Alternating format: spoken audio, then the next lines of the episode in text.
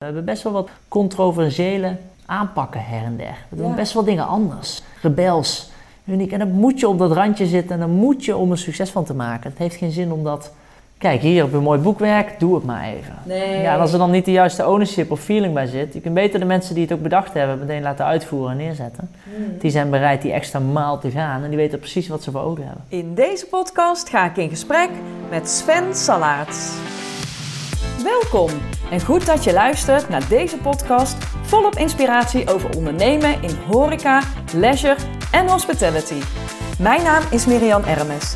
Ik ga in gesprek met ondernemers en managers uit de allerleukste branche over blunders en succesgeheimen. Met waardevolle praktische tips hoe jij de verwachtingen van jouw gasten kunt overtreffen. Dit is jouw inspiratiepodcast. Dit is van blunders tot succesgeheimen. Welkom Sven en eh, dankjewel dat je te gast wil zijn in mijn podcast van blunders tot succesgeheimen. Leuk dat ik de gast mag zijn. Ja, Dankjewel. zeker. Ik ben vandaag bij jou te gast op jouw nieuwe kantoor boven Pesca in Amsterdam aan Ja. de Rozengracht. En eh, zou jij je allereerst even kort kunnen introduceren? Dus wie ben je en wat doe je? Tuurlijk, leuk. Ehm, Sven Salaert, eh, 32 jaar oud, bijna 33. Dubbele cijfers, daar schrik ik weer een beetje van. 33 over, over twee weken. Een horeca-ondernemer. Dus eh, die heel veel passie voor het horecavak. En ehm had de hotelschool gedaan. Daarna nog een master. En daar mijn huidige compagnon ontmoet, Jos, in Barcelona. Deden wij een master Innovative Hospitality Management. Oké. En daar was een van de subjects, was het creëren van je eigen concept. En daar is toen eigenlijk eh Pesca uit ontstaan. Mhm. Het eerste concept dat wij in 2016 gelanceerd hebben, hier in Amsterdam de Roosgracht. We vonden toch, eh, ik ben een zuiderling en hij komt van het oosten. Ja, je moet dan wel naar de hoofdstad toe als je echt iets innovatiefs wil doen. Ja. Eh, die heb je natuurlijk wel de meeste kans op succes. Omdat je ook een hoop toerisme hebt en de mensen er gewoon iets innovatiever zijn. Ik zeg altijd, eh, in Amsterdam kunnen ze nog wel eens zeggen, hé, hey, waar ga je vanavond eten? Maar in het zuiden is het meer, hé, hey, waar ga je dit weekend eten? hè? Ja, Je ja, gaat toch wat, sneller en makkelijker uit eten. Dus zijn we in Amsterdam toen gestart. En eigenlijk ehm, nog steeds, het concept zelf heeft heel veel potentie. Daar hebben we heel veel, heel veel groeiambitie mee. Maar daar komen we waarschijnlijk nog wel aan toe zo dadelijk. Ehm, maar vrij snel daarna is de Tulp gestart. En een café-restaurant op de Heinekenplein in Amsterdam. En afgelopen jaar volgden daar ook Lolo en Fiona bij. Twee nieuwe zaken. En ook twee ho- hoteloperaties met een restaurant eh, erbij zijn ontstaan op die manier. Onder de noemer van Unique Concepts. Mhm. Ja, met dat bedrijf proberen we eigenlijk ehm, zeer innovatief in Nederland te zijn op het gebied van hospitality. Zowel als conceptontwikkelaar, maar ook als werkgevers slechts Ook de operatie binnen de zelf. human resources. Ja. Ja, ook hetgeen hè, waar we als organisatie voor staan. Ah, we zien natuurlijk een grote problematiek in de wereld. Het gebied van Mhm. personeelstekort. Mhm. En dat het moeilijk is om mensen te vinden die we weer voor deze industrie kunnen, kunnen ehm, strikken. Nou, daarom proberen we heel vooruitstrevend te zijn. Te zorgen dat we weer ja, tot de top van werkgevers in Nederland behoren. Waar iedereen zegt, hey, wil je nou een carrière maken in hospitality? Ga bij Unique werken of bij een van hun zaken. Maar een behoorlijke groeisput achter de rug. En eh, ja, nu in deze crisisjaar nog steeds veel gezonde ambities. En hopen we dit jaar weer een vervolg aan te geven. Oké, ik ga heel even, want je vertelt heel veel, superleuk. Ik ga even terug naar het begin, want je hebt Ja. hotelschool gedaan. Vervolgens ben je naar Barcelona gegaan Klopt. voor een master. Ja. En daar heb jij jouw compagnon ontmoet. Ja. En het concept Pesca hebben jullie daar ontwikkeld. Ja. Hoe is dat gegaan? Hoe heb jij eh, dat met hem... eh, hebben jullie een bepaalde rolverdeling? Of hoe is dat... eh, Nou, we zijn zeker heel anders. Uh, Ja. Zo passen we ook goed bij elkaar. Ze zeggen altijd wel eens, eh, vind ik een leuke metafoor, maar zonder mij was Pesca er nooit geweest. En zonder Jos, mijn compagnon, waren we al zes keer failliet geweest. en dat is ook letterlijk wel eh, de verhouding tussen ons. Dus Jos zit veel meer eh, achter de schermen. Financieel, HR, en legal, contracttechnisch, administratie, fiscaal, dat soort zaken. ja. En ik meer op de voorzijde met het ontwikkelen van de nieuwe concepten. De marketing die daarbij hoort, het aanjagen van het team, dat soort zaken. Mhm. We hebben wel echt duidelijke andere rollen daar ook in. Ehm, en toen wij eigenlijk startten met z'n tweeën, we waren gewoon bevriend met elkaar. En gingen wij eigenlijk ontdekken van, als we een concept nu creëren, welke niche is er nog onbewandeld? Mhm. Waar liggen nog grote kansen? En eigenlijk kwamen wij in een visrestaurant in Barcelona, dat heet Paradetta. Ja. Eh, Velen die in Barcelona graag komen, die zullen het wel kennen. Ze hebben daar eh, acht restaurants van op dit moment in Barcelona. En dat is eigenlijk wat pesca is, maar heel bazaal. Dat is eigenlijk een soort kantineachtig, waarbij ze een klein vismarktje hebben. En je start aan de voorzijde, je kiest je vis uit, die bereiden ze voor je, die haal je op. En daar geniet je van. Oké. En toen zeiden wij, nou dit is cool, maar als je dat nu kwalitatief nog beter doet, in een leukere setting, met een grotere experience, dus echt naar het volgende niveau trekt, ja, dat ken je nergens. Dat bestaat niet op het gebied van vis, maakt het heel leuk van en ook op een bepaalde manier toegankelijk. Nou, zo is pesca eigenlijk ontstaan. Ja, want wat is het bijzondere aan pesca?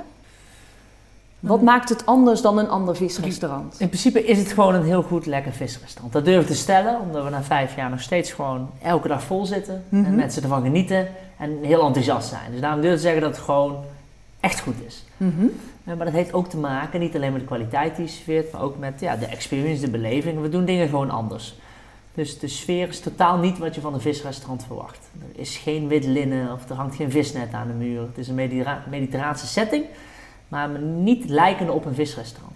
Maar als je binnenkomt, word je ontvangen door een host. Dan staat je gelijk met een glaasje kava, krijg je uitleg van wat er gebeurt die avond. Maar daarna ga je meteen naar de vismarkt toe.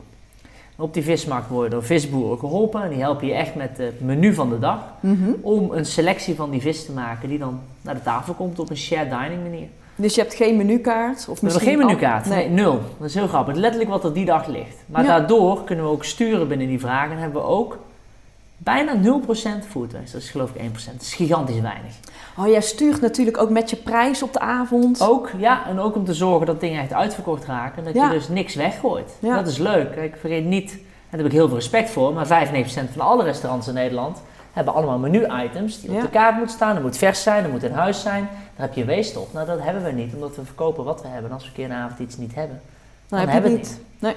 Nou, het leuke na de vismarkt komen ze eigenlijk op de wijnmarkt. Eh, De World of Beverages noemen we het ook wel. Dat is letterlijk de wijnmarkt waarbij je met een sommelier gaat kijken wat er dan perfect bij past.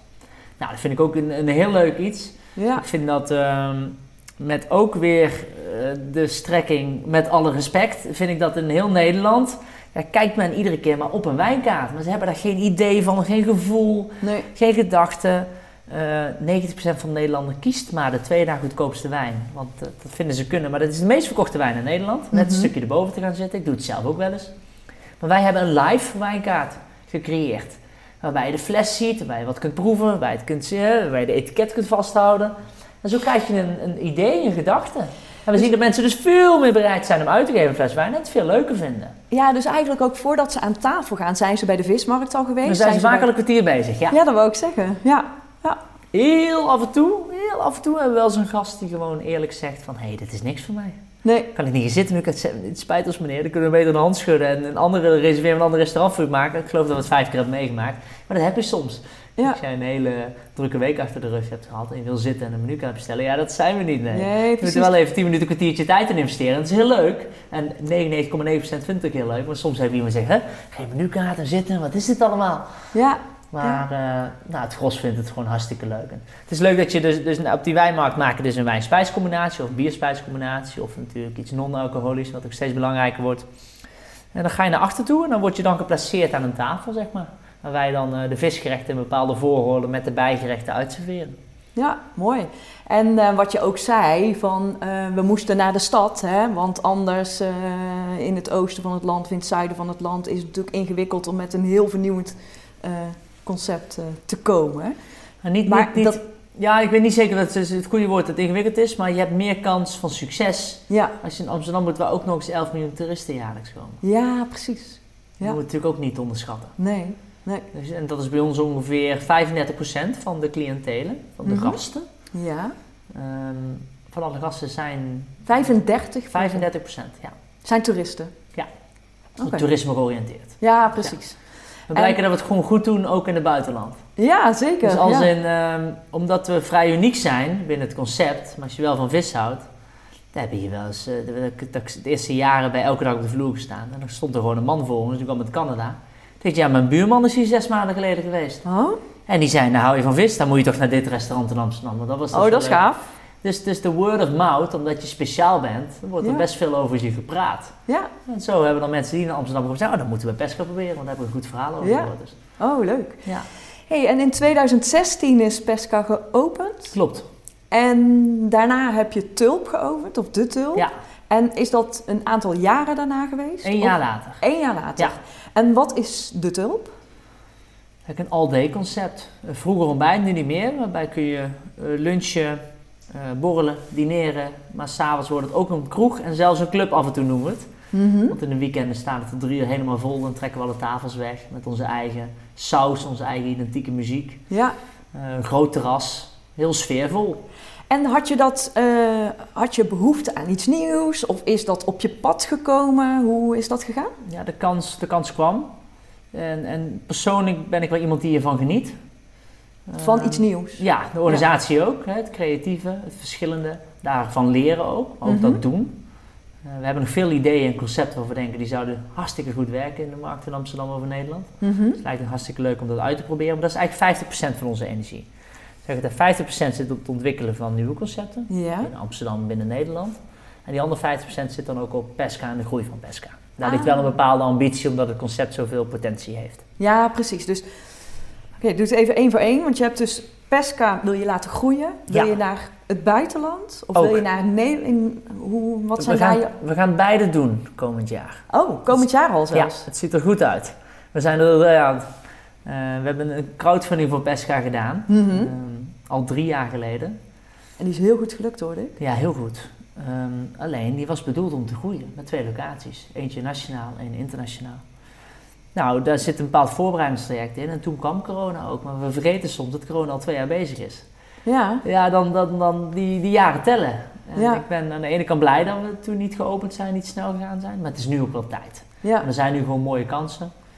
Ehm, dus de binnenlandse locatie is, is in principe rond. Daar verwacht Oh. ik dat we over anderhalve maand mee naar buiten treden. Ah, oké. Dus en dan de er internationale locatie, nee, nog net niet.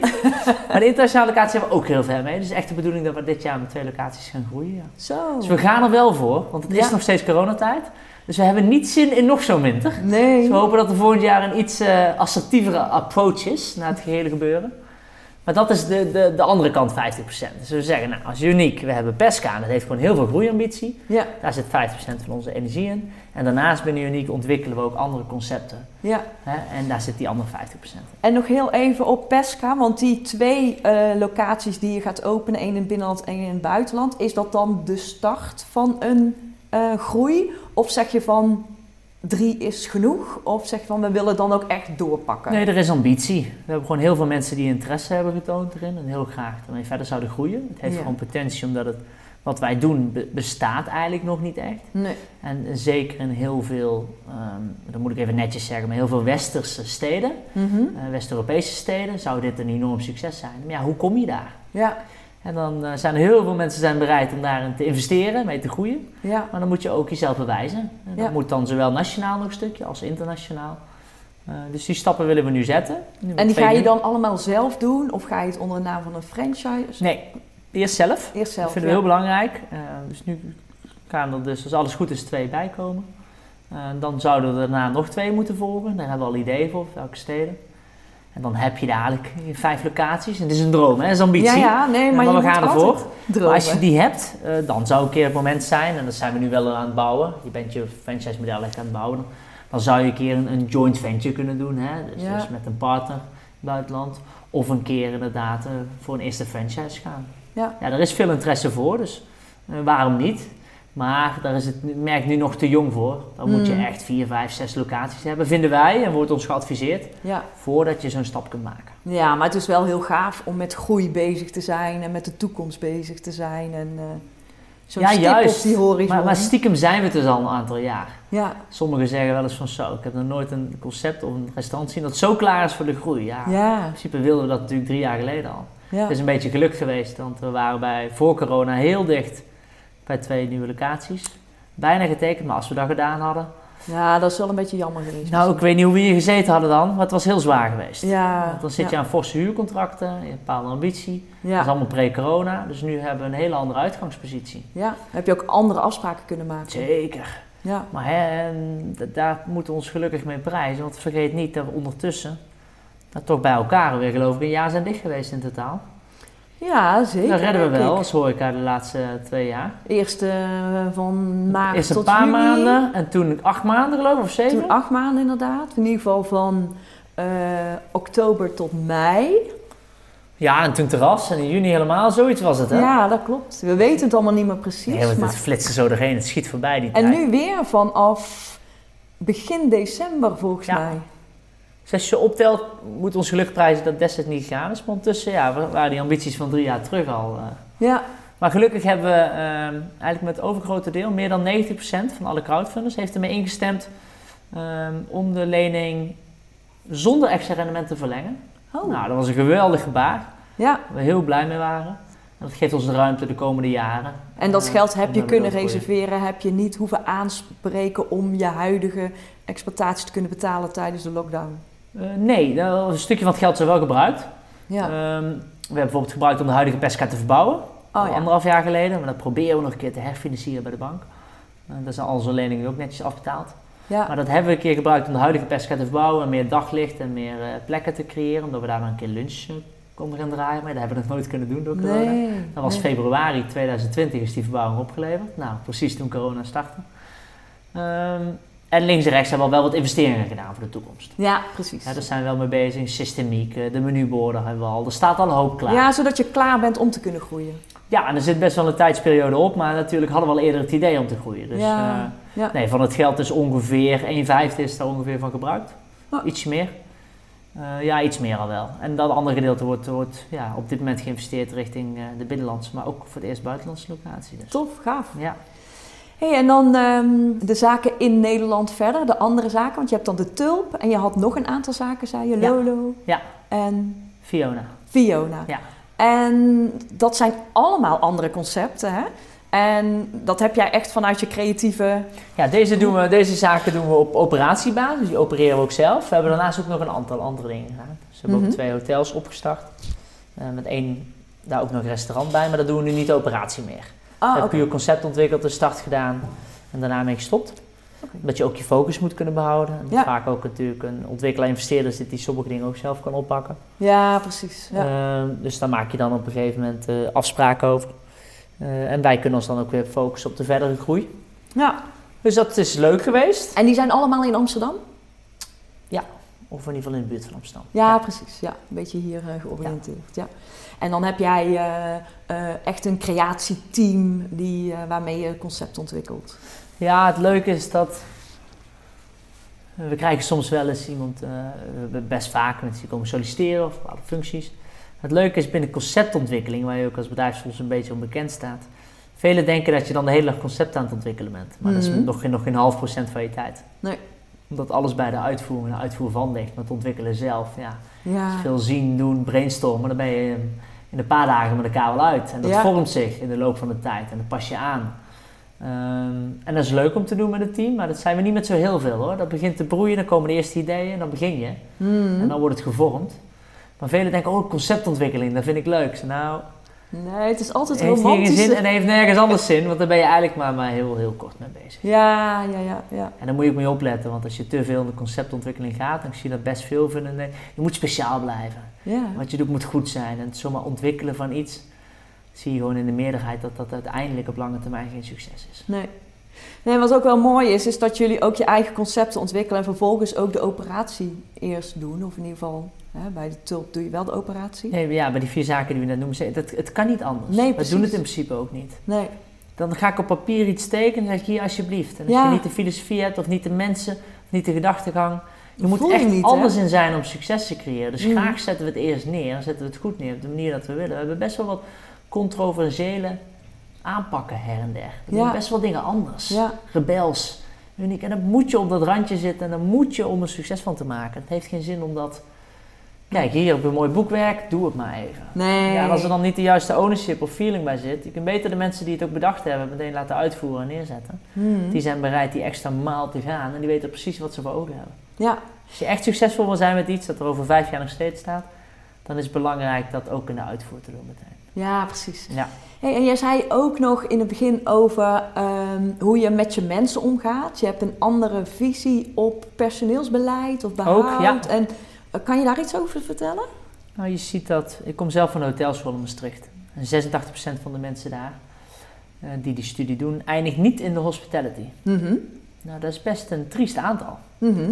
Ja, dat is een heel mooi voor hen, hè? Het is een schitterende Ja. opleiding. Mhm. Maar ja, hospitality in Nederland. Dus heeft- het is toch vaak, hè? Dan ben je 26 jaar en dan zeg je, ik werk nog in de horeca. Dan zeg je, oh, heb je geen ambitie? Of is het een tussenjaar? Of heb je, het wordt niet meer echt als vak gezien. is niet echt sexy, het hè? Nee, het is heel jammer. Ja, Dan zeggen, oh, maar je wordt onderbetaald, je moet werken als anderen werken. Maar die flauwe kul van jaren geleden. ja. Wij zeiden, we moeten dat anders doen. We moeten anders aanpakken. We moeten daar een andere mindset in creëren. En dat doen we ook. Daar zijn we mee gestart. En wij hopen die 86% van uitstromers naar 80% te krijgen. Ah, We hopen het interessanter te maken op een andere manier. We hopen dat de rest volgt. We waren het eerste restaurant in Nederland op die manier die met winstdeling werkte. In 2019 nog, bij zowel Tulp en de Pesca, deelden we 44.000 euro uit. zo. Nou, schitterend. Dus dan heb je een afwasser, even met alle respect, dat is een geweldige functie met een afwasser bij ons. Die ging naar huis toe. En die vertelde me nog, Sven, ik zat aan het kerstdiner. En mijn broer had een fles wijn en die had een kerstpakket. En ik kon een cheque van 1300 euro laten zien. Nou, dat vonden ze geweldig. Ja, Nou, natuurlijk. dan kreeg je ook nog een fles wijn. Zei, maar, hè, maar waar werk je dan? En deel je mee de winst? Het is een ander soort filosofie. We willen meer ownership creëren, ander bewustzijn. Meer delen daar. En we vinden het heel belangrijk dat iedereen een vierdaagse werk werkt. Natuurlijk, management eh, werkt daar soms wat harder. Ik vind het heel gezond als ze 50 uur werken, begrijp me niet fout. Maar, Mhm. hè, dan moet je ook een bepaalde verloning of, of een, een bepaalde winstdeling of een bepaalde vrijheid tegenover te. Wij proberen met senior management niet met vakantiedagen te werken. Hier op kantoor werkt het al. Probeer het in de andere regionen uit te voeren. Maar dat je onbeperkt vakantiedagen. Voel ja, dus wat je nodig hebt, dat, ne- dat neem je op. Nou, Of wat je wil. er is of- geen opname. Hè? Als Oké. jij morgen niet bent, ben je er morgen niet. Dus jij met een Ah. kater in bed ligt of je gaat met je moeder lunchen. Hè? We weten dat je hard genoeg werkt. Want als je op zaterdagavond nodig hebben, omdat er een incident is, dan zul je er ook staan. Ja, Dat ja. teamgevoel moet je creëren. Dan voel je vrij om lekker de tijd te nemen in de emoties. Je zult dat mensen toch altijd rond die dagen wel uitkomen. Mensen gaan niet ineens vier maanden op vakantie om er misbruik van te maken. Nee. Alleen, de vrijheid om je tijd in te delen. Als je een dag niet lekker voelt, of je hebt geen zin, of je hebt een feestje en de volgende dag weet je dat je een kater hebt, hoef je niet verplicht op kantoor te komen. Nee. Als je op zondag lekker wil werken, wil ik ook dat je je vrij voelt om dat te doen. Ja. Ja. Hè? Over dat soort dingen moeten we anders nadenken. We proberen ook over het onboardingproces. En uiteindelijk als je onboard bent, maar ook als mensen afscheid nemen, is ook heel belangrijk. Dan geven we ook heel veel geld aan uit. Dat vinden we ook belangrijk. Maken we ook een feestje van. Dat zijn ook ambassadeurs van je bedrijf. Maar ook als je, als je al aan boord komt, hoe pak je dat aan? Hm. voordat je start. Ja. Maar dan als je aan boord bent, vinden het ook heel belangrijk om mensen te geven als ze hier werken. Eh, wat doe je als iemand jarig is? Of, of wat doe je als iemand zijn opa overlijdt? Of iemand zijn fiets is gestolen? Nou, wij, wij kopen een nieuwe fiets, vinden we leuk. of Oh we ja. zorgen dat, dat, er- dat, we, dat we denken aan je als, als er iets, hè, als er Als iets iets gebeurt. Of op een andere manier voor je zijn. Of, je moet toch anders voor elkaar zijn dan alleen puur werkgever, werknemer en die harde lijn die er altijd is. Ja. Het zijn gewoon verschillende facetten die we met z'n allen proberen te bundelen hoe we een ander HR-beleid hebben. Nou, eh, jij kwam hier net binnen en we hadden onze eindejaarslunch, het was net eindigend. nou, hartstikke leuk. Eh, Jos en ik, mijn compagnon, we kregen nog een cadeautje en we hadden een aantal mooie woorden en we spraken het, het jaar door van wat er komen gaat. Maar leuk dat iedereen zei dat ze het ook zo naar een zin hadden. Ja. En zo van genoten en zo fijne collega's hadden. Dat is de werkplek die we willen creëren. ja, dat mensen zich fijn voelen en ook de vrijheid hebben om dagen Precies. te nemen als ze het nodig hebben. Ik kreeg vandaag een, eh, ik kreeg gisteren van mijn, mijn neef, heeft een trainingsbureau en ik kreeg de vraag aan hem. Wij hebben last met recruitment om mensen te vinden trainingsbureau. Dus ja, dat, dat, ja, dat begrijp ik. Iedereen op dit moment heeft die challenge. Ja, Hoe ben je dan anders dan de rest? Nou, dan kun je natuurlijk hele gekke dingen doen en heel veel energie stoppen in bepaalde gekke recruitment acties en dat soort zaken. Wij geloven daar alleen al in door onszelf te zijn, maar aan onszelf te werken. En dan die recruitment komt dan op die manier vanzelf. ja, Als je een bedrijf bent waar men graag wil werken of waar men positief over spreekt, dat is natuurlijk het mooiste wat er is. Maar Ja. dan krijg je een bepaald natuurlijke recruitment. ja, Dus hoef je niet gekke dingen te doen. Nee, dan wordt er ook al positief over je gepraat ja. als je bepaalde mensen zoekt. En daar geloven wij heilig in. Oké. Dus de bedrijven die daar last van hebben, zeg ik altijd van hey, start bij jezelf en creëer een bedrijf waar iedereen wil werken. Ja, Dan zul je zien dat je natuurlijk dat gaat creëren. Want eh, de beste social media post die je kan, maar ik ga het verschil niet meer maken. nee. Uiteindelijk zul je bedrijf moeten veranderen, arbeidsvoorwaarden, je systemiek, hoe je denkt, hoe je leeft, hoe je werkt. Dat zul je moeten veranderen om hier ja, sterk uit te komen. Ja, deze- zeker. Niet alleen uit deze crisis, maar ook uit deze ja, ehm, een team, familiecrisis. Wij noemen ons dat familie, maar eh, zoek maar voldoende familiemembers, zoek maar Hmm. voldoende mensen die met jou succes willen behalen. Ja, Zo zien wij het. We Mhm. noemen het geen werknemers op die manier meer, maar het is wel een challenge. ja, Want de economie is groeiende. Heel Ja. veel mensen starten voor zichzelf, maar wij hebben gewoon een uitdaging in heel veel verschillende industrieën om de juiste mensen te vinden. Nou, Ja, dan, moeten we toch, eh, dan moeten we toch iets mee gaan doen. Ja, precies. Ja, nou ja, goed. Als jij zegt van eh, wij doen de dingen die bij ons passen, dan trek je ook de mensen aan die bij je passen. Hè? Als, jij dit, als jij je hier heel fijn bij voelt samen met je compagnon en je mensen praten daar weer over, je krijgt ze vanzelf. Ik denk dat, ja, dat dat een stap is. Ja, en Ehm. mensen die wel op die 25 dagen zitten en die wel op eh, ik wil zoveel uur op een dag, die komen hier niet, want die kunnen die vrijheid niet aan. Nee, en dat zeggen we er ook heel duidelijk bij. En, Ja. en, en, kijk, je kunt natuurlijk altijd met iedereen rekening houden en een weg vinden. Hmm. Iedereen is zoals hij is. Maar wij zien tot nu toe dat dat, ja, dat dat een heel positief effect heeft. Ja, Om juist die vrijheid te geven. en de mensen die hier bij Pesca werken, Ja. eh, werken die ook bij de Tulp of zijn het echt andere teams? Eh, het zijn andere teams, maar, maar er wordt veel gewisseld. Ja. zeker. Ja. Ja. En soms even een periode, of soms even invallen. Of, uiteindelijk zou het mooi zijn in de toekomst als we dat, en daar zijn we wel mee bezig, om dat nog uniformer te maken. Ja, Mensen ook op andere plekken kunnen werken. Maar soms vinden mensen het heel, ook heel fijn om in een eigen vertrouwde wereld Ja. een team te opereren. Ja. Dat zie je ook. ja. Maar sommigen vinden het ook heel leuk, even een andere uitdaging. ja, ik wou zeggen, dat de ene zal het fijn vinden om bij zo'n vast restaurant te werken. En de andere zal het fijn vinden om af en toe te wisselen. Kijk, Ja, zeker in coronatijd ehm, zie je dat. Ik las ergens een artikel dat 50% van alle mensen op de wereld denken na over een andere baan. Jeetje. Of over een andere setting, of staan ervoor open, of, hè? Mhm. zijn nieuwsgierig. Kijk, corona maakt ook een bepaalde sleur en dingen. Je gaat dingen relativeren en anders inzien. En ik sprak laatst met een andere grote ondernemer, met, eh, of ik ben zelf niet groot, maar een andere ondernemer die heel groot is in Amsterdam. En, eh, we hadden het over, over het team. Dat soms wordt dat weggekaat of wat er getrokken. Dat vind ik altijd gewoon netjes met elkaar doen. Hè? Als Mhm. iemand, iemand wil graag wil hebben, joh, bel me even. Super, kan ik je wat tips geven. Ja. Iedereen staat vrij om een aanbieding te krijgen of te doen. Hè? Maar Mhm. doe het altijd netjes. En toen hadden we een discussie daarover, ook met hoe we elkaar dat zo gunnen. En dat doen we ook. Ik zou dat met liefst nog meer mensen doen. Omdat als iemand hier een jaar heeft gezeten en je merkt dat die energie eruit gaat, dan kan een andere omgeving heel goed zijn. En dat Ja. gun ik liever aan een nieuw bedrijf, een nieuwe stap. Dat is heel goed voor een aantal personen. We Ja, hebben eh, twee maanden geleden chef bij Pesca laten gaan. Ehm, die had een bepaalde ambitie doen, konden we, maar wilde ook met ons meegroeien. Maar ja, twee jaar corona en die groei, wanneer komt die dan? Is over een half jaar, of over drie kwart jaar, of over vier maanden? Ik zeg, joh, heel goed, ga even lekker anders, ergens anders snuffelen. Ga daar werken, geniet ervan. Misschien werken we ooit samen in de toekomst. ja. Misschien is het weer heel goed voor je. Maar ik denk dat het goed is die vrijheid ook mensen te geven. Het is niet alleen voor hen goed, het is ook voor de Mm, organisatie Voor jou goed. ook goed, ja. En dan in zo'n coronatijd, in die sleur, in die op en af. ja. Als je een jaar lang hier niet je passie kunt uitvoeren en je staat maar... Ja, op een gegeven moment is het dan ook heel goed. Dus Ja. je ziet dat heel veel mensen stiekem een switch maken. Ehm, Ja. ja, dat kan ook, wat ik zeg, heel positief zowel voor de mens zijn zelf, maar ook voor een organisatie.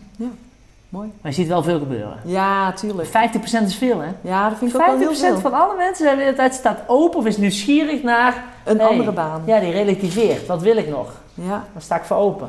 Maar ja, het is ook voor heel veel mensen wel echt weer een reset geweest. Hè? Ik bedoel, het, je leven staat eigenlijk voor iedereen op zijn kop. Of je nou horecaondernemer bent of privépersoon, waarbij het allemaal... Ik bedoel, een lockdown zit niemand in de... Ja, het, het is voor iedereen een bepaalde challenge. Ja, en, en, En, velen zien hem als negatief. Ik hoor ook steeds meer. En ik, ik ben daar ook wel een persoon in. Ik, ik zag heel veel positieve dingen eraan. Ja, Bij anderen om me heen, bij mezelf. ja. Ehm, je gaat maar door. De trein dendert. Even weer stop. Och, die eerste vond ik, vond ik best wel lekker op een gegeven moment. Ja, Ik denk, wat gebeurt hier? Ik ging elke avond wandelen, om de tijd. En ik dronk geen alcohol meer. En, en, en je sportte heel veel en je voelde je energiek. En je kreeg toch meer tijd voor, voor vrienden en familie op een bepaalde manier. ja. Ik ging boeken lezen. Ja, ik weet het niet hoor, maar eh, voor mij kwam het eigenlijk als persoon heel goed uit. En dan hoorde Ja. ik bij me- meerdere horecaondernemers en andere sectoren van even de big reset. Voor de wereld kwam het goed uit. Ja, Ik geloof in Shanghai voor het eerst kon je de zon weer eens zien schijnen. Al, eh, ja met de lucht en alles. maar, maar ja. weet je, dit, dit is gewoon een reset die je dan op die manier krijgt. Dus tuurlijk, tuurlijk is, het, is het jammer en, en hoop ik niet dat het blijft. Nee, absoluut niet, begrijp me niet fout. nee, Maar laten we dan uit het nadeel ook de voordelen pakken en die ook Zeker. zien. zeker. En dat, ik heb het net nog gezegd tegen het hele team. Jongens, pak nog even je rust. Ja. Denk erover na. En er komt dadelijk weer een wereld. Maar iedereen had die sociale drang en moest overal bij zijn, liep ze voorbij. Ik geloof dat we nog nooit zoveel burn-outs voorbij zagen komen als laatste Mm. jaren. Door alle druk die er was. En wij zelf hadden ook een aantal personen die er tegenaan liepen. Ja. En misschien zat ik er zelf ook wel een keertje tegenaan. Ja. Nou, en dan krijg je zo'n verplichte reset. Ja, Ja. ik zal het niet te vaak meer herhalen, maar ik vond het dus op dat gebied helemaal niet zo erg. ja, Natuurlijk als mooi. ondernemer wel en voor bedrijfskunde en alles, hè, begrijp me niet fout.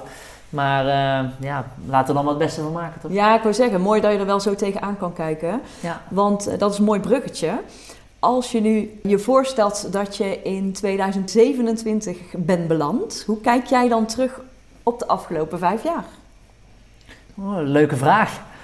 Ehm, ik, ik, denk als heel leerzaam. Ik denk als, als, als een periode waar je echt hebt kunnen reflecteren. Wat willen we, hoe gaan we dat doen? Maar ook een periode van kansen. En dat vind ik ook altijd moeilijk om te zeggen. Maar ja, wij hadden gewoon het geluk en hebben het geluk dat we er goed voor stonden voor de crisis. Ook in de crisis, de momenten dat we konden gewoon goed gedraaid hebben, hmm. heb je wat vet op de botten. Dat geeft je iets meer rust en het geeft je ook nu de kans om bepaalde kansen te pakken. En ik zeg, dat is best een luxe positie. Ja. Ik weet dat heel veel ondernemers, heel veel ondernemers dat niet hebben. En daar baal ik gigantisch voor. Dat vind ik verschrikkelijk. Ehm, maar, maar, maar het is een feit dat een crisis ook kansen biedt op dat gebied. En die proberen wij nu te pakken. Dus hè, het is, het Heb je daar een voorbeeld van wat je hebt gedaan of kunt doen? Heb je met thuisbezorgd gewerkt? Of heb nee, ook. Dus je denkt nou over businessmodellen en, en, hoe je dat neerzet. Nee, we hebben hartstikke leuke dingen gedaan met, met thuis en dat gaan we ook doorzetten. Ja. Onze ambitie is om de nummer 1 viswebshop bijvoorbeeld met Pesca in Nederland te worden. Ah. Maar we hebben ook in de Albert Heijn al gelegen en daar zijn we ook nog heel actief mee bezig. Om te kijken of we een vaste plek in het visassortiment in de supermarkt te kunnen realiseren. Ja.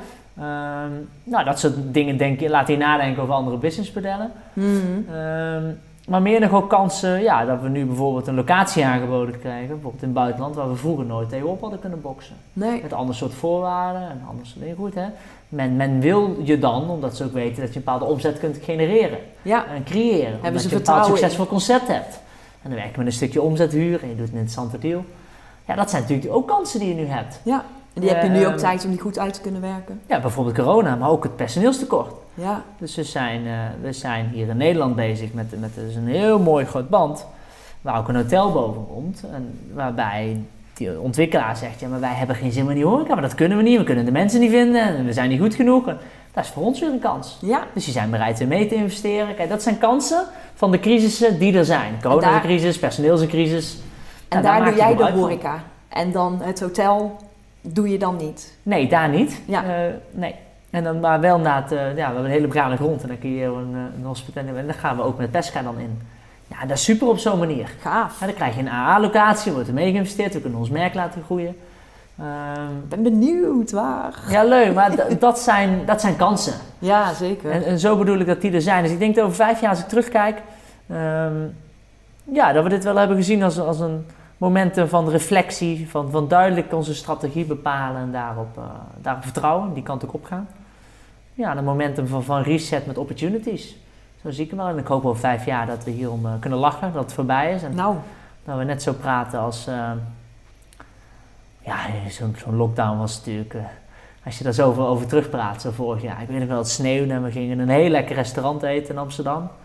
Ehm, ik zeg niet waar, maar kan je vertellen, er was genoeg open nog in de lockdown. En zelf, oh, nou, in de lockdown nog? Zelf waren we ook niet helemaal heilig, moet ik ook zeggen. uh, je bent ondernemer, je bent creatief. En nou, in onze ogen had de testsamenleving veel eerder moeten starten. Dus we hebben her en daar nog wel gegeten en er is ook bij ons gegeten. Maar dat was zo grappig alsof het die drooglegging was van de jaren 20. Dat je illegaal trad je een restaurant binnen en ging eten. Je moest, oh. Dat mocht dan niet en niemand deed het. Hele surrealistische wereld. Er was ook niemand op straat. En dan omzeilde je de avondklok. Nou, ik vond het heel... Uh, ik, ik, denk dat we hier straks over kijken van... Uh, papa, ja papa, dit hebben wij nog meegemaakt. Ja. zoals we vroeger uh, over de oorlog spraken. En oh, begrijp me gauw, het is absoluut niet hetzelfde. Hè? De oorlog is nog 84 keer erger. We hebben echt een luxe lockdown en een luxe crisis, moet ik eerst zeggen. Als je kijkt hoe wij door de, door de overheid geholpen en gesteund worden, hoe we erbij zitten... Ja. Moet ik heel duidelijk maken, is absoluut niks met oorlog. Het is meer hoe je zo praat over vroeger. Hè? We hadden nog een lockdown en we mochten niet naar buiten. En ja, dat kun je niet bevatten eigenlijk. Nee. Eigenlijk zoiets geks en zoiets raars. Ja. Dus daar zal denk ik nog wel lang over gesproken worden. Maar ik hoop dat we het dan achter ons hebben gelaten. Ja. Al zullen we ook moeten accepteren dat onder zoveel tijd met zoveel mensen op de wereld zoiets kan gebeuren. Ja, ik denk dat we wel nu in ieder geval een challenge hebben gehad met... Dat we in ieder geval een wake-up hebben gehad met... Uh, het is niet uh, allemaal maakbaar, zeg maar. Nee. En ehm, kijk, we komen op een wereld. Iemand vertelde mij laatst, ik vond het een hele mooie metafoor, die zei: Luister Sven, uh, de wereld is een cel. Um, de mens is eigenlijk een soort ziekte, een eigen ziekte. En, en corona is een medicijn. Als je daar hard naar kijkt, wij, komen gewoon met te veel mensen op deze wereld. Ja, ja, ja. En, en dat weten we al langer. En we proberen de klimaatproblematiek op te lossen, maar er zijn ook andere problematieken die daaraan bijdragen. Ja. Eh, er is heel veel over gezegd en gesproken, maar eh, de grootste oplossing is gewoon dat wij met te veel mensen zijn. Ja. En die piek die bereiken we, dus die zwakt af, dus we gaan daar minderen. Hè, je ziet dat er heel veel landen zijn die steeds minder, eh, eh, minder kinderen krijgen en doen. En dat is Mm. eigenlijk iets heel goeds, hard gezegd. Ja. We zijn gewoon met te veel mensen en dat moet gaan minderen. Dit kan de planeet op die manier niet aan. Nee. Eh, nou, en dan krijg je ook pandemieën. En, die, en, die, en dan zeker met dat reizen en bewegen en doen groeien, ja, dan gaat dat heel snel. Maar ja, ehm, Ja. Dat, dat is wel het momentum om daar anders over na te denken. En, Mm. en gelukkig komt daar dus een positieve beweging in. Maar we zijn met te veel en moeten anders gaan nadenken hoe we de aarde op die manier gaan benutten. Ja, Ook met onze grondstoffen. Daar denken we zelf in de restaurants ook veel op na. Hoe worden we duurzamer? Ehm, hoe kunnen we steeds op andere manieren produceren? Hoe moeten we daarmee omgaan? Welke keuzes maken we? Kijk, maar de andere zaken, natuurlijk, eh, die zitten allemaal in bepaalde niches. Maar, maar stel pesca voor, vis. Ja, wij zeggen altijd, ons motto met pesca is, we zijn niet 100% duurzaam. Maar we willen wel over 100 jaar nog steeds vis verkopen. Dus we hebben een Pesca Foundation, we geven er heel veel geld aan terug. We investeren in bepaalde hè, initiatieven. Die zorgen dat de visserij duurzaam wordt of dat de oceanen meer plasticvrij worden. Maar we kunnen niet 100% duurzaam nog zijn. Hmm. We moeten wel die kant op. Ja. Ja, we moeten er toch Dus allemaal je probeert op een andere manier eh, wel te compenseren of beter te zijn voor de wereld, zeg maar. eh. Ja, we proberen, het is geen greenwashing, eh, maar we willen ook niet hypocriet overkomen. Nee, want we zijn het gewoon nog niet. nee, Maar we proberen wel hele bewuste keuzes te maken om dat steeds meer te zijn. voor de toekomst. Ja, wel te investeren in bepaalde initiatieven, zorgen dat we in de toekomst dat wel meer kunnen zijn. ja, ja. Kijk, vis hoeft helemaal niet, niet duurzaam te zijn. Nee, Er zijn bepaalde scholen en vissen. eh, zelfs de tonijn doet het op bepaalde vlakken steeds beter weer. Er zijn bepaalde soorten tonijn die steeds weer groeiende zijn, grote populaties. Dus sommige Mhm. soorten tonijn gaat gewoon steeds beter weer mee.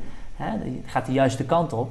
ja. En dat is natuurlijk ook wel ehm, een mooi gegeven. Als je daarin investeert, rust laat dat groeien, dan kunnen we uiteindelijk daar ook weer van genieten. ja, En ja, daar ook ja. plukken. Ja, ja, ja. En dan is het nog steeds duurzaam. Ja. Zonder dat het gekweekt per se hoeft te zijn. Of, of ehm, ja, noem dat zo mooi biologisch gemaakt, gecreëerd zeg maar. Dan kun je dan nog steeds eh, op een goede manier, verantwoorde manier bezig zijn. ja. En dat proberen we heel erg. ja. en je zei ook van die andere concepten, de meeste zitten in een niche. hè? Ja, maar niet specifiek op, op, op duurzaam gebied. eh, Nee, nee, nee. Balans is Italiaans, ander is Mexicaans, anders meer Zuid-Amerikaans. Ja. Ja, we hebben wel verschillende keukens te pakken ondertussen. Ja, dat sowieso. En heb je dan ook, eh, is dat ook steeds echt voor een andere doelgroep? Of heb je wel een bepaalde groep gasten die bij de Unique Concepts passen? Dat vind ik een leuke vraag. Ik, denk het wel. Ehm, ik denk een bepaalde doelgroep die dat leuk vindt, spannend, sexy. Ja. Het zaken zijn waar wij graag wilt komen. Ehm, maar zeker, we, we bouwen wel op de vraag die er is. Dus we zien wel wat ontbreekt er in de stad. Wat Mhm. kunnen we daarmee? Zowel qua menu, kaart, concept als interieur. En daarop proberen we in te spelen. En hoe kom je erachter wat echt de vraag is? Zijn dat gewoon gasten waarmee je praat, waarbij je hoort dat ze iets missen? Of... eh, Ja, we proberen het altijd wel aan heel veel mensen voor te leggen. Maar zelf weten we ook gewoon wel van, hé, hey, dit is er gewoon niet. Ja. En als je dat doet, dan weten we eigenlijk voor 70% zeker, 80% dat dat een succes gaat worden. Ja, Omdat het nog niet bestaat, niet er is. Maar en iedereen die het vraagt zegt, oh, dat zou ik lekker vinden, oh, dat zou ik leuk vinden. ja, ja, ja. Dus ja. probeer iets te creëren wat er nog niet is. En dan probeer je wel met veel mensen over te spreken. Hey, en Sven, als je dan ehm, ehm, even alles kijkt wat je nu hebt gecreëerd en waar je staat, ehm, waar ben je dan het meest trots op? Hmm, dat vind ik ook een, eh, interessante vraag. Ik denk voornamelijk dat, dat het mij en eh, mijn compagnon Jos zo trots maakt dat er zoveel mensen zijn die graag met ons werken. Ik denk dat het het mooiste compliment is. En heb je het dan over je mensen die voor je werken of heb je het dan ook over samenwerkingspartners? Of... Jij, jij noemt het voor, en ik zal hem even uitleggen. Wij noemen het met. Ja, Ja. dus letterlijk eh, collega's, mensen die bij ons in dienst zijn, zo moet ik noemen. Alleen wij zien het als, echt als met. Ja, En zo proberen we ze te sturen, op te leiden en ze zelf daarin te motiveren. Uiteindelijk proberen we met je unieke bedrijf neer te zetten dat faciliteert. Dus hè, ehm, we zullen zien dat los van de winstdeling die we nu doen, wil ik de mensen behouden die we nu om ons heen hebben. ja, En die soms verrekte goed zijn in wat ze doen. Dan moet ik ze meer geven, want anders gaan ze op een gegeven moment ergens anders naartoe. Voor zelf beginnen. Of... ja, Dus, dus wij zijn steeds meer bereid, we gaan het ook doen om ons bedrijf steeds meer in handen te geven. Dus krijgen mensen individuele aandeel en groeien ze mee. En misschien hebben wij, Jos en ik, straks nog maar 20% van ons bedrijf in handen. Dan ligt 80% bij de andere 30 werknemers of weer individueel bij meer mensen. Ja, We willen een, een, een, een instituut worden met Unique. oké. Waarbij je graag werkt omdat je kunt groeien, carrière maken, misschien ooit je eigen zaak wil starten. Mhm. En dan hoef je maar alleen maar een stofzuiger in te brengen. Wij hebben alle systemen. En de back of house en de partnerships. En dan heb je allemaal de beste deals. Hey, en dan kun je eigenlijk heel makkelijk en snel groeien. En ondertussen mensen die dus graag bij ons blijven. En die kunnen wij zo de potentie geven. En met andere zaken mee laten groeien. En ja, dat is toch het mooiste wat er is. Ja, zeker. Dus jij zegt ook van eh, als er mensen zijn die zelf de potentie hebben om een eigen zaak te starten, die Ja. kunnen dat onder de vleugels van Ja. Unique doen? Ja. Oké. En die gaan dan met jullie eh, iets nieuws creëren en zij hebben dan misschien net iets meer aandelen op dat gebied? Of Nee, zeker. En ja, daar kun je alles over afspreken. Ja, Hè, eh, kunnen ze iets mee investeren? Hoe zien ze dat voor zich? Wij hebben een stukje aandeel, dan willen zij steeds meer dat aandeel van ons, ons, ons, ons afkopen. Dus andersom, of ben je gelukkig op een gegeven moment een bepaalde deal.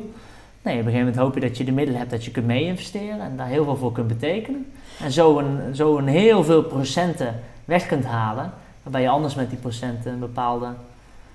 Ja, in ieder geval dat je, dat je, dat je meer kans op succes Ja. hebt, totdat je al een aantal hordes genomen hebt, waar wij al heel veel van geleerd hebben en leergeld voor betaald hebben. Het gewoon makkelijker maken. maar dan heb je, ja, dat heeft ook wel echt te maken met gunnen en met vertrouwen. Als je dat, eh, hè, je gunt het de mensen om je heen en je vertrouwt ze ook heel erg. Nee, dat is belangrijk. Dit doe je niet na een week nadat je elkaar kent. Nee, nee. Maar, maar vergeet niet dat in onze ogen de enige horeca die na zoveel jaren nog relevant is of goed is, heeft met ownership te maken. Ja, Heeft met mensen die daar zelf mede-eigenaar zijn. Ook al is het voor een klein deel of voor een groot deel, maar die daar met de voet in de grond staan en zeggen: Dit is mijn zaak. En ik ben elke dag sceptisch Ja. en kritisch op. In ook plaats van iemand die en een loonfunctie Ja, krijgt en loon doorbetaalt en verder niets. ja, En hè, dan is het allemaal net niet en net niet de vakantiedagen, hard werken. Ja, dat, ja, die moeten ze intrinsiek gemotiveerd hebben. Maar als je die net niet hebt, of je zaak is net niet zo relevant meer. Ja, dan staat er iemand die er niet echt zoveel om geeft. En dan word je een van de zoveel zaken. ja. Dat is eigenlijk het begin van het einde. Dus Nou, mooi. wil je groeien binnen de hospitality, succesvol, moet je delen. Ja. Daar geloven heilig in.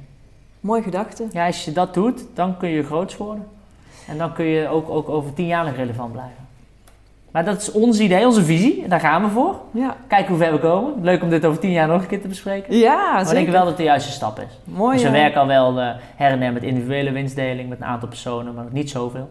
En dan met de teams. Maar er moeten in de toekomst steeds meer zijn. Dus we zijn ook de mogelijkheden te onderzoeken. Dat is best wel een proces. En volgend jaar, of dit jaar verandert het Nederland wel de regelwetgeving dat het iets makkelijker wordt om aandelen met je team te delen. Oké. Daar moet je dan misschien een stichting voor opzetten van een ander bedrijf waarbij ze dan dat aandeel hebben. Ehm, nou, we zijn er druk mee bezig. Hmm. Een behoorlijk proces, maar dat is wel de toekomst. Heel wel mooi gedachtegoed. Als je mensen zo kunt laten groeien per jaar, maar dat wel weer de kwaliteit en inkomsten genereert ook voor het bedrijf. Dat is het mooiste wat er is. Ja, En zeker. dan kun je ook nog goede afspraken maken als iemand ooit weg wil. Dat ook. Ja. Nou, Dat ze of met een aandeel erin blijven of ehm, het wel verkopen. Nou, een, een heel leuk. ja, dat zijn allemaal constructies die Maar, maar wel dat, ik denk wel, ehm, ik hoop dat ik anderen hier ook mee aan het denken zet. Ja, mooi. Ik vind het Ik echt wel... denk heel, wel eh, dat het de toekomst is. Ja. Hey, en wat is dan jouw grootste succesgeheim? Mm, ik vind het lastig om te zeggen of dat we nu al zo succesvol zijn. Nee. Ik vind dat we het hartstikke goed doen. We noemen onszelf nou eens even, we werken gewoon knijterhard, elke dag. We genieten van de volle teugen en we proberen voornamelijk heel positief te blijven. En iedereen ook altijd positief te motiveren. Ja. We denken letterlijk niet de problemen continu een uitdaging. Ik, hou, ik haat ook het woord probleem. Alles een uitdaging. En ben creatief, los het op, we komen het er wel. Uiteindelijk vraag ik mezelf altijd af, wat is het ergste dat kan gebeuren? En dat is vaak maar heel weinig. Ja. Zet die knop om, ben Ja. positief. Ik denk dat dat op dit moment, eh, ons op dit moment een stukje succesvol maakt. Maar echt succesvol wil ik ons nog niet noemen. Jawel. Nee, ik vind... dat, dat, dat hoop ik als we, als we die groei doormaken en verder pakken. Ik ben, ik ben er trots op wat we doen. Maar het is nu zaak echt eh, die stappen te blijven zetten de komende jaren. Maar wat is ook succes, hè? Ik bedoel... ehm, Ja, dat kijk, klopt. eh, ligt eraan naar wie, met wie of wat je het vergelijkt. Maar alles is relatief natuurlijk. Kijk, ik ben er trots op dat we zaken hebben gecreëerd waar mensen graag komen en die, die Ja. elke avond vol zitten. Ik wou zeggen... Dat kun je succesvol noemen. Toch? Ja, Ja. nee, dat ben ik met je eens. Mensen werken graag voor je. Klopt, en daar ben ik hartstikke trots op. Ja. Eh, maar succesvol is gewoon zo'n groot woord. Ja. Wil altijd oppassen dat het niet naar een bepaalde arrogantie neigt. Want daar heb ik zelf wat, Ah, eh, best wat de moeite mee. Ja, nee, dat is maar mooi. dat je, hè? Ja, dat is mooi. Ehm, maar, maar als je dan vraagt van ja, wat is dan voor jezelf dan nu op dit moment onderdeel van succes, dan denk ik gewoon het positief leiderschap. Creatief en positief leiderschap. Ja. Over de uitdagingen zien voor gaan. En we hebben wel zo'n mentaliteit met er is niets dat niet kan. Hmm. Er is niets dat we Altijd niet voor elkaar kunnen krijgen. Ja. Er zijn altijd wegen Hm. of manieren of hekken. Maar als we iets willen, dan krijgen we het ook voor elkaar, dan gaan we ervoor. Daar Mooi. geloven we heilig in. En dat proberen we wel bij iedereen altijd eh, in het bloed te stoppen. ja, heel mooi. Ja. Ja. Hey, en ehm, ik vind jou een succesvolle ondernemer. Dank u wel, mevrouw. gewoon een Zeer leuk. Mooi compliment. Ehm, heb jij ook, een, want een succesvolle ondernemer heeft ook blunders. Ja. Heb jij een blunder die je met ons wil delen? Tientallen. Tientallen. Misschien wel honderd. Kijk, als je een jonge ondernemer bent, ehm, je leert heel veel. En, en- en je betaalt ook heel veel leergeld. Zo zei iemand het ook wel ooit mooi tegen mij. Er zijn zeker een hele hoop zaken die je gewoon anders had willen aanpakken. Of je ook gebeuren. Daar leer je van, daar word je sterker van. We zijn nu bijvoorbeeld, ehm, we zijn onlangs voor het eerst in de rechtszaak beland. Hmm. Nou, heel interessant. Eh, We zien het ook als iets, eh, ja, klinkt gek, maar als iets leuks, iets uitdagends. Ja, het is iets nieuws, maar je leert er ook van. En Ja. Anderen zeggen ook eh, tegen je, Sven, als je gaat groeien, het- je gaat het een keer meemaken. Dan kun je het maar Mm. vast gehad hebben. Hoe groter je wordt, soms kom je er gewoon niet uit met iemand. En Bij deze partij kom je er niet uit. Is het Ehm. een, een, een, een partij, een externe partij, of is het een van de medewerkers? Of Nee, een externe partij. externe ja, partij. waar we mee samenwerkten. Ja. Ehm, nou, we besloten uit elkaar te gaan. Ehm, bepaalde voorstellen over gedaan. eh, wat, wat dat dan mag kosten. Wat gelden wij daar nog, nog te goed van hebben. En, ja, en dan kom je dan met elkaar niet uit. Daar heb je een andere mening over. En dat is niet erg. Dan schud je de hand met elkaar. Dat hebben we ook netjes gedaan.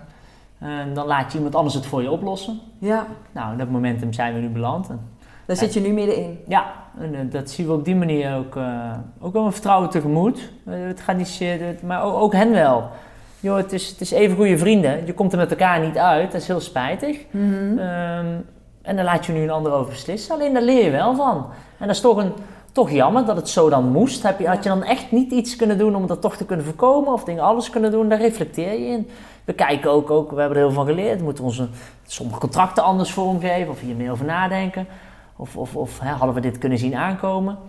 Ik denk Ja. dat het een bepaalde reflectie geeft die gewoon heel gezond is. En is het dan een blunder? Nee, maar we maken ook gewoon heel veel fouten, zo moet ik het noemen. Kijk, echt Ja. grote blunders, ja, tuurlijk zit er her en ook wat tussen, maar vaak op kleinere schaal. Maar dit is gewoon dan ja, iets wat gebeurt, een foutief is, iets wat jammer is. Wat ook soms eh, wat negatieve energie met zich meebrengt. En die Mhm. probeer je zoveel mogelijk hè, daarvan weg te blijven. Maar waar je wel gewoon gigantisch van leert, nou, dan kun je het beter alvast gehad hebben. Had je het kunnen voorkomen, denk je? Ik denk dat alles tot op bepaalde hoogte wel Ja. te voorkomen is. Alleen in deze vraag, eh, of in deze zaak, nee, is dat de vraag. Dat heeft ook met corona te maken en dingen. Er Ja. zijn allerlei facetten die daar meespelen. Ja. En de laatste twee jaar, we kunnen doen alsof het allemaal eh, bloemetjes en eh, dingen is. Nee, eh, er zijn Nee. natuurlijk ook heel veel lastige zaken waar je over moet beslissen en waar je harde keuze in moet maken. Ja. En andere ondernemers staan ook voor die keuze. En als dat dan toevallig botst met onze intenties, ik, ja, dan moet misschien iemand anders daar even over oordelen. En denk je dat je dan, want ik vind dat je daar, ja, je zegt van geef je het uit handen en laat je andere mensen het eigenlijk samen voor. Eh, denk je wel dat je dan uiteindelijk on speaking terms kunt blijven met die partij? Ehm, ik van wel. Dat is Ja. natuurlijk ook hoe een ander daarover denkt, maar zeker. Nou, dat Ja. zal ik veel met het oordeel te maken hebben. Ja, dat, eh, ja, dat is nu natuurlijk, je zit er middenin. Dus het is moeilijk om daar, eh, kijk, op het moment Oh, dat je eruit bent. Nee, en zeker. is- Dan heb je dan- hand, maar ik kan er vrij over praten hoor. Op die manier is er niks mis. Maar, maar dat Ja. klopt, dat is de vraag. Hoe, hoe stap je daaruit met elkaar? Kijk, vanuit onze zijde no hard feelings. Dus dat heb ik altijd afgesproken. Ja. Zo, zo hoort dat. Maar ja, dat is natuurlijk... eh, ja, dat is natuurlijk interessant. ja. In één keer moeten er ook andere stukken op papier. Dan moet je ook eh, wat gemeenere dingen over elkaar zeggen. Ja. Dat hoort er ook bij. Want Ja, uiteindelijk sta je ook in je eigen recht. Maar ik vind het wel heel interessant. ja. Dan zit je... Nou ja, het is nu wel mooi dat je in ieder geval zo erover na kunt denken dat je ook hier weer van leert. En dat je ook hier weer, hè, de zon gaat altijd weer schijnen. En, eh, Nee, zeker. ja. Alleen dan zit je daar als, als vrij jong ondernemers op, eh, eh, ja, op een, eh, een heel mooi goed advocatenkantoor in Amsterdam. En eh, het is heel leuk met ze. We genieten ervan. Maar ja, daar zit je aan eh, 400 euro per uur. Ja, mag niet dat is echt niet tof. Ik ga nieuwe, nee, even bij wijze van. Hè. Eh, Het, is natuurlijk een bepaalde investering die je doet. En dan waren we gelukkig goed verzekerd. Dat hadden we ook al een keer geleerd van een andere ondernemer. Dus Oh ja. alsjeblieft leer ik altijd van anderen. Ze Ja. zijn er ook nog voor verzekerd, dus het maakt ons op die manier niet zoveel uit. Maar het is gewoon een hele interessante nieuwe dynamiek. En Ja. ja, wat ik zeg, zie het als een leerschool, ervaar het. En, en dan vind ik het ook wel iets moois op die manier. Ja. Ja. Mooi. Je moet het gewoon, eh, ja. Het is natuurlijk spijtig dat het nodig is, maar als ondernemer leer je er heel erg veel van. Hoe dingen beter en anders te doen. Ehm, ja, Ja. En, en, en ook gewoon in de les aan zich binnen deze, binnen dit nieuwe hoofdstuk voor ons. Ja, dus de fouten, tussen haakjes, die je hierin hebt gemaakt, die zul je niet snel een tweede keer maken. Eh, nee, Nee. dat denk ik niet. Nee. Wij zeggen altijd, onze ezel die stoot zich niet snel een tweede keer aan die steen. En dat is Nee, wel de bedoeling. Ja. Nee, natuurlijk niet. Daar leer je echt enorm van. Ja. En zo zijn er zat eh, kleinere en grotere dingen eh, ja, waarbij wij fouten maken. Dat vinden we ook niet erg, staan voor open. Iedereen moet fouten maken, daar leer je ook van. Ja, dat wil ik zeggen. Eh, het is hoe je ermee omgaat. Het is Ja. hoe je ze oplost. En het is hoe je af en toe ook gewoon de ballen hebt om een keer sorry te zeggen of je excuses aan te bieden. Ja, dat is ook mooi, hè? Sorry Dat, dat, dat, daar moet niemand te nederig of te arm voor zijn. Nee, dat is niet iedereen. Eh, ook, ik maak ook fouten, joh, zoveel. Ja. Als ik er maar eerlijk over ben en niets van vind. Ik heb alleen af en toe het geluk dat ik iets meer fouten mag maken zonder dat. Of in ieder geval, hè, dat... Ja. Ja, hoe moet ik dat nou netjes zeggen? Nou ja. ik zit gewoon in de positie dat ik soms wat meer fouten kan maken, maar het nog steeds wel die manier is om weg die we pakken. Ja, daar, daar. Ja. Daarvoor ben ik het ook gestart en heb ik er zo bloedveel uren in zitten al die jaren. Ja, precies. Dat is leuk. Hey, en wie is jouw grote voorbeeld? Dat is een vraag, die heb ik me niet voorbereid.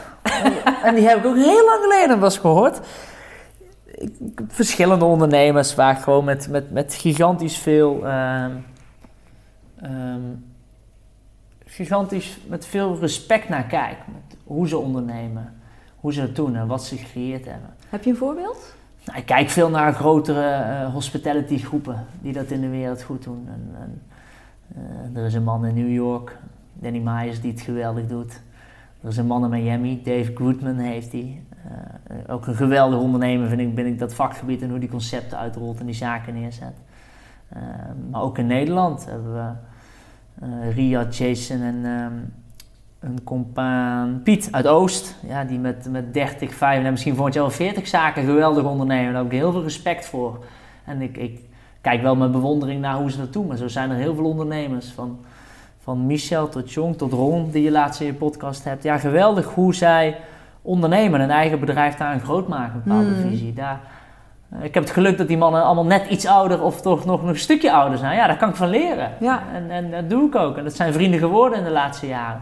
Daar, daar geniet ik van. Maar ook in het buitenland heb je zulke voorbeelden. Ik ben een goede vriend geraakt met Victor. En Victor heeft de Big Mama Group. Ja. Die zitten met eh, acht vestigingen in Parijs. en één in Lyon. En één- twee of drie in Madrid al. Twee in Londen. Zo. Een Italiaans-achtig. Als je naar Lolo gaat en hun zaken, denk je bijna... Shit, Sven, je lopen kopiëren hier. Ja, dat is ook wel een beetje. Niet zozeer, nee, we hebben gewoon gekeken naar wat, wat zij doen met hun zaken. Is een middensegment Italiaans. Dus met een hoge prijs, een hoge kwaliteit, voor een wat lagere prijs. Mhm. Omzet met een gek interieur en een leuk team. Nou, dat hebben we met Lolo eigenlijk ook gedaan. Dus een interieur compleet over de top. Mooi. En dan lekker Italiaans in het middensegment. Servies. En we hebben er heel veel dingen, dingen echt al anders gedaan. Want hij is zelf ook geweest. Hij gunde en zei geweldig, ik doe het. Ehm, maar zo'n ondernemer met hoe snel ze groeien en vet en de filosofie en de spirit en de plezier die ze erin krijgen. Nou, je moet er maar eens opzoeken, daar geniet je van. Ja. En Ah, hoe heet hij? Eh, nou, zijn groep heet de Big Mama Group. Ah. En die hebben geweldige zaken. Dus ik heb ze allemaal bezocht. Vele uitnodigingen of vele openingen uitgenodigd door hem. En hij leert weer van ons, vind ik heel leuk. Hij zegt, Sven, jij bent al verder dan wij nu met twaalf zaken op Oh, sommige vlakken. Dat vind ik een mooi compliment. Ja. Hij heeft gewoon diep bij ons gekeken. We zijn natuurlijk al vijf jaar bezig om Pestkant te laten groeien. En hij, hij gaat gewoon. Hij zet zijn zaken neer. Hij zegt, Sven, als er aan het einde van de maand geld overblijft, vind ik het prima. Eh, personeelskosten zijn soms wel 50%. Ja. Eh, dan zet hij maar, als er ergens klachten zijn, zet hij nog meer Italianen neer. Die vliegt hij in, Oh. regelt hij huis voor en die, die staan er maar zonder ervaring en die doen het maar. Nou, het is chaos in zijn zaken, maar ja, het werkt. Mensen vinden het geweldig, mensen vinden het leuk. Hij heeft net 35 miljoen investering gekregen. Wow. Ja, dus zijn bedrijf is ondertussen 100 miljoen waard. Zo. Nou, geweldig wat voor. Nou, dat zijn wel, Mooi wel voorbeeld. bedrijven. Zo ken ik nog een aantal van ik zeg van nou, ehm, niet per se dat ik precies hetzelfde ambieer. Maar ja, we hebben wel een bepaalde groeiambitie. Ja. Mooie voorbeelden om uh, naar te kijken. Nou, deze zijn wel heel leuk om te kijken. Ja. Maar ik zeg ook in eigen land zijn er heel veel ondernemers ehm, die het geweldig doen. En ook, ook kleinere, ook grotere, ook met alleen een restaurant of met meerdere restaurants. Het gaat me niet per se om schaal en zoveel te doen. Nee. Maar de horecaondernemer die het gewoon goed voor elkaar heeft, eh, met veel passie, leuke team, ja, daar heb ik respect voor. Maar dat is in deze tijd gewoon niet makkelijk. Nee, nee, nee. En ik weet gewoon waar, ze, waar hun, hun, hun uitdagingen liggen, om het zo netjes te doen. Ja, ja, zeker. En de allerlaatste vraag.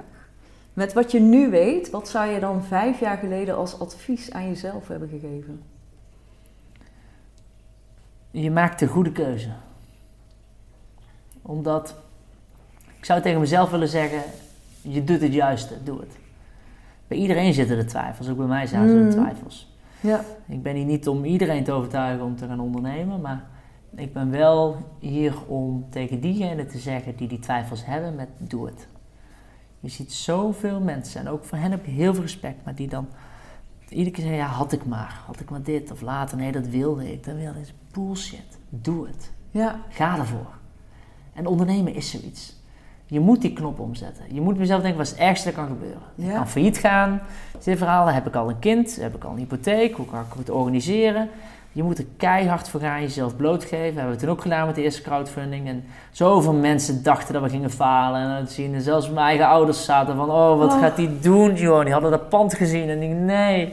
maar ja, lekker doen, veel plezier, hoort erbij. Ja. En, en we zijn heel kili-kili geweest in het begin hoor. Het scheelde weinig hoor. En één keer trok het aan en begreep iedereen, het vielen dingen op zijn plek. Maar doe het. Dus ik, had, ik zou tegen mezelf willen zeggen, niet om dingen anders of dingen, nee, je, hebt, je maakt de goede keuze om, om nu als ondernemer te gaan en ga ervoor. Want je kunt jezelf nooit kwalijk nemen. Nee. Al, ga je naar je, al, al ga ik volgend jaar failliet, en dat gaat niet gebeuren, maar al gaan we, dan nog kan ik tevreden terugkrijgen. Want ik ben ervoor gegaan, ik heb er alles voor gegeven. En dan zijn er misschien de marktomstandigheden of de pech die je hebt. Hmm. Maar die levenservaring die je doet. En voornamelijk dat je zelf altijd kunt zeggen, ik heb het gedaan. Ja, precies. Het is misschien geen succes geworden. Succes. Dit is misschien geen succes geworden.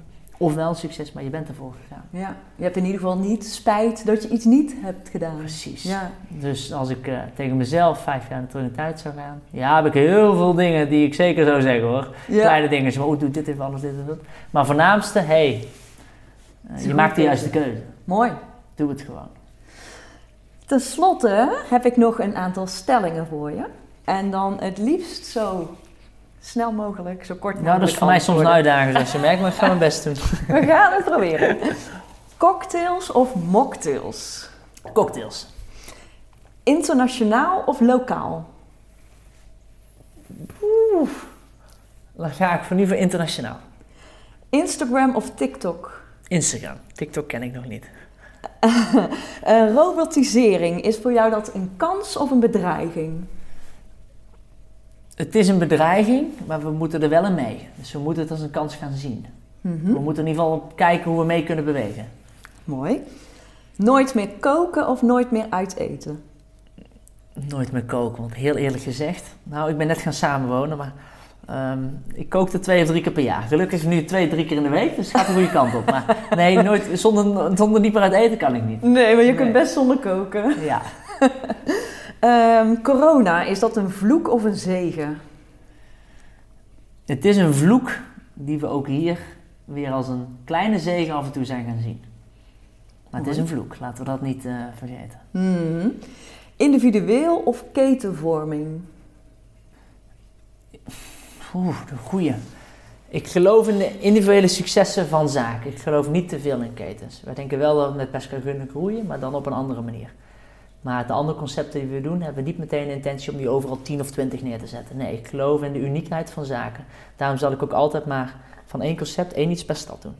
Ah, oké. We hebben echt duidelijk voor eerst, hadden we nog ooit de gedachte om een tweede Pesca in Amsterdam te doen? Nee, never. Oké. Daar, daar geloof ik niet in, die, in die verconceptualiseren van concepten. Ja, als je de spaghetteria bent of andere concepten die dat kunnen. Maar nee, een pesca dat moet speciaal, uniek zijn, goed en daar wil je naartoe. Niet, oh die pesca in West of in Oost of in Zuid. Die tijd is voorbij. Mensen willen zich associëren aan een merk en dat moet gewoon heel goed zijn. En de laatste, zomer of winter?